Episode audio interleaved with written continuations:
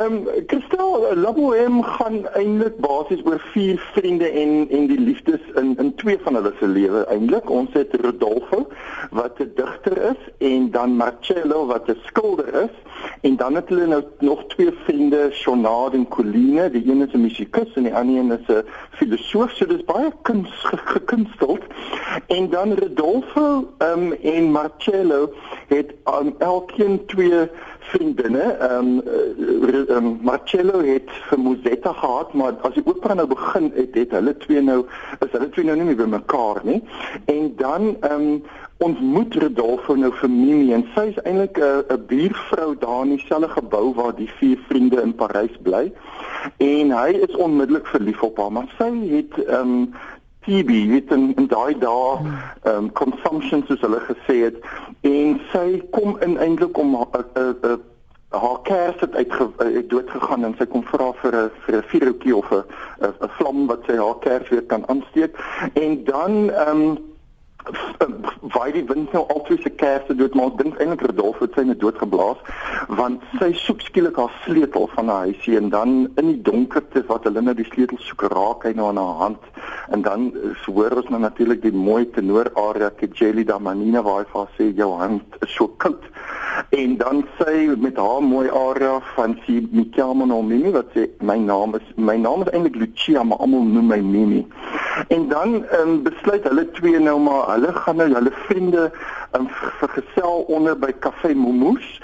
En um, daar's nou baie intriges wat net tussenin ook gebeur, maar ek gee nou net vir jou so 'n vinnige um, hoof hoof um, oorsig van die van die van die opera. En dan ontmoet hulle nou die vriende in die tweede bedryf by Café Momoes. Dit is natuurlik waar Mozetta dan nou inkom met haar nuwe ehm um, belangstellende se ouer man Alcindoro en sy sien dan vir Marcello en sy besluit van sy gaan vir hom nou jaloers maak en dan is sy nou vreeslik vriendelik met al die manne daarso wat natuurlik onmiddellik die die resep is vir Marcello om baie jaloers te raak en sy sien dit en sy besef maar Marcello hou eintlik nog van haar. En dan raak sy nou ontslaaf van ou Alcindoro. En dan nou dis dan die tweede bedryf basies. En dan in die derde bedryf is dit nou 'n paar maande later waar ehm um, dis nou midwinter dis baie koud en Marcello en en Musetta woon in 'n in 'n um, herbergie daar buite Parys waar hy skilder en sy gee sanglesse en ehm um, Mimi en Rodolfo het 'n het 'n het 'n um, onder ons gehad maar eintlik waaroor dit gaan is Rodolfo besef Mimi is besig om dood te gaan. Sy's baie siek en hy het nie die finansiële ondersteuning om haar te help nie. En hy in sy jonk silligheid besef toe maar of besluit toe maar hy gaan nou 'n fight met haar um, aangaan sodat sy hom los en miskien 'n ryker man kry wat na haar kan kyk. Ja. Maar die hele ding loop ook op by 'n skeef en hulle sê toe maar eintlik van maar ons is eintlik baie lief vir mekaar en ons gaan maar by mekaar bly. En dan in die laaste bedryf is nou 'n hele paar maande later nie is toe nou weg op die ouende van Rodolfo af, maar sy ehm um, het toe nou al so verswak dat sy by die ander ryk ondersteuner ook weg is en dit begin nou waar ehm um, Rodolfo en Marcello nou vreeslik hartseer is oor hulle ehm um, liefdes wat wat uit hulle lewe uit is. En dan kom die ander twee vriende in en hulle het nou so 'n bietjie ehm um, van daarso in in hulle woonstel. Hulle het die geld en kos gebring en hulle vier dit soort van en dan kom Mozetta aangehardloop en sê sy het nou net vir Mimi opgetel in die straat is baie swak en Rodolfo skrik om natuurlik by ter weste en hulle help Mimi in en dit is dan nou die laaste bedryf waar waar hy maar net eintlik vir Mimi sê hy was nog altyd baie lief vir haar en die ander vriende probeer help um Coline die filosoof verkoop sy baadjie en Musetta verkoop haar oorbelle om 'n bietjie medisyne te kry vir Mimi maar natuurlik soos dit in elke goeie opera gaan is dit te laat en dan aan die einde van die opera sterf Mimi dan nou en Rodolfo is absoluut hartgebroken Dink jy dis omdat dit so 'n menslike storie is dat dit een van Puccini se gewilde operas is? Want ek meen dis een van die wat baie gesien is.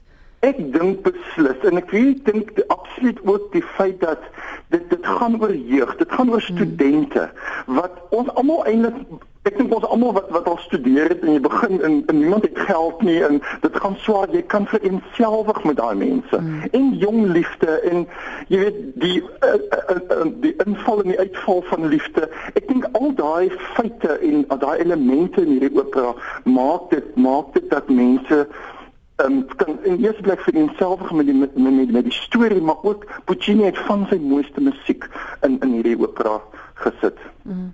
Ek sien julle werk saam met 'n jong nuwe ontwerper. Kom ons kyk gou na na die stel. Is dit 'n is dit 'n volle opera stel of het julle dit tog vereenvoudig? Uh, ja, ons het dit um, om dit eintlik vir vir almal meer aanvaarbaar te maak. Mm. Het ons dit nou uit die 1800s uitgehaal en ons het dit opgeskuif na vandag se tyd toe van die jeug van vandag en ons het 'n baie minimalistiese styl. Ehm um, vir ons is dit baie belangrik om die musiek uit te kry na die mense toe. En ons het regtig 'n wonderlike ehm um, hoof ehm um, um, groep sangers mm. wat wat wat die, die hoofrolle sing en en ons wil regtig eintlik hê dat die mense hulle nie so moet vergaap in kostuums en stelle nie maar dat hulle eerder luister na die sangers en wat hulle doen en hulle interpretasie van die musiek. So ja, dis 'n baie eenvoudige stel. Ook natuurlik die mense het nie geld nie. Die studente is brandarm. Ja, ja. Jy gaan nou nie al die al die geld wat jy het dan kan kan wys van van van hoe arm hulle is. So daar is nie veel nie en hulle het nie veel in hulle 'n woonstelletjie waar hulle bly nie. Maar tog ook plaas jy dit in daai tyd, gaan jy van ons jonger gehore verloor want mense gaan onmiddellik dink, "Ag, dis 'n ou storie." Verstaan? Ja, en kyk, dit is nou 'n Puccini het dit nou geskryf in Parys. Hmm. Maar vir baie mense vandag is dit so ver en dit is so anders dat ons ons ons sien spesifiek dit is byvoorbeeld in Suid-Afrika iets maar die storie sal jy dalk agterkom ook en dit is nou nie Parys hier nie. Ons ons ons het dit in iets spesifiek probeer stel nie. Ons het dit net so van gesê dis 'n stad waar vier jong mense bly wat nie geld het nie en en so van hulle hulle lyding of lief hulle lief en leed probeer verduidelik aan die mense. Hmm, want dit gaan oor die musiek. Kom ons kyk gou na die sangers. Jy noem 'n paar groot name en ek weet die, die een is ook iemand wat by Black Tie Ensemble destyds begin het, né? Ja, wie dit is so wonderlik vir ons. Woyani Melindi is was 'n jong bas in 2001 toe toe toe nog was dit die Black Tie Ensemble hulle heel eerste opera gedoen het. En hy het van Bloemfontein af gekom in hierdie jong maar mannetjie en hy het wondere gedoen in in die rol en hy het sommer net besluit maar hy gaan nou bly. Hy gaan nie weer terug nie. Hy wil nou by ons wees en en ons het nou maar daai dae het ons nog nie 'n academy of iets gehad nie. Ons het maar net in onsself probeer om leiding gee waar ons kan met Niels Hansen en Minnie Koetsen of daai dae. En ehm um, toe het hy 'n kompetisie ehm um, ingeskryf in Australië wat vir hom toe moontlik gemaak het om toe in Londen te gaan studeer. En wie van daar af het hy net nog nooit teruggekyk. Hy doen wonderlike ehm um, basrolwerk en oral in Europa op die oomblik. En hierdie was nou die eerste keer wat ons hom kon terugbring Suid-Afrika uh, Suid-Afrika toe interessant in 2004 het ons Laboem gedoen en toe het hy die rol van Coline gesing en dit was die laaste keer wat hy vir ons gesing het voor hy nou oor see was of oor see gegaan het en dit is nou so wonderlik dat hy nou kan terugkom met baie jare se ervaring en nou weer 'n Coline vir ons kan sing in Laboem. En dan natuurlik is daar Penje Modiani wat jy gehoor het seker nou al sal ken van Gauteng Opera Produksies. Hy het 'n wonderlike ehm um, ehm um, Alfredo gesing in 2015 in ons La Traviata in Concert en toe verlede jaar het ons Elysee gedoen wat um, Penje nou nie in was nie, maar nou sy definitief weer terug vir ons. Hy doen natuurlik baie van ons koöperatiewe werk, so so mense weet al van hom. Baie selfs is my the man with the dreadlocks. so so Penje is is terug in die rol van Rodolfo. En dan ons Mimi is 'n wonderlike jong sangeres wat wat by Gauteng Opera um, is.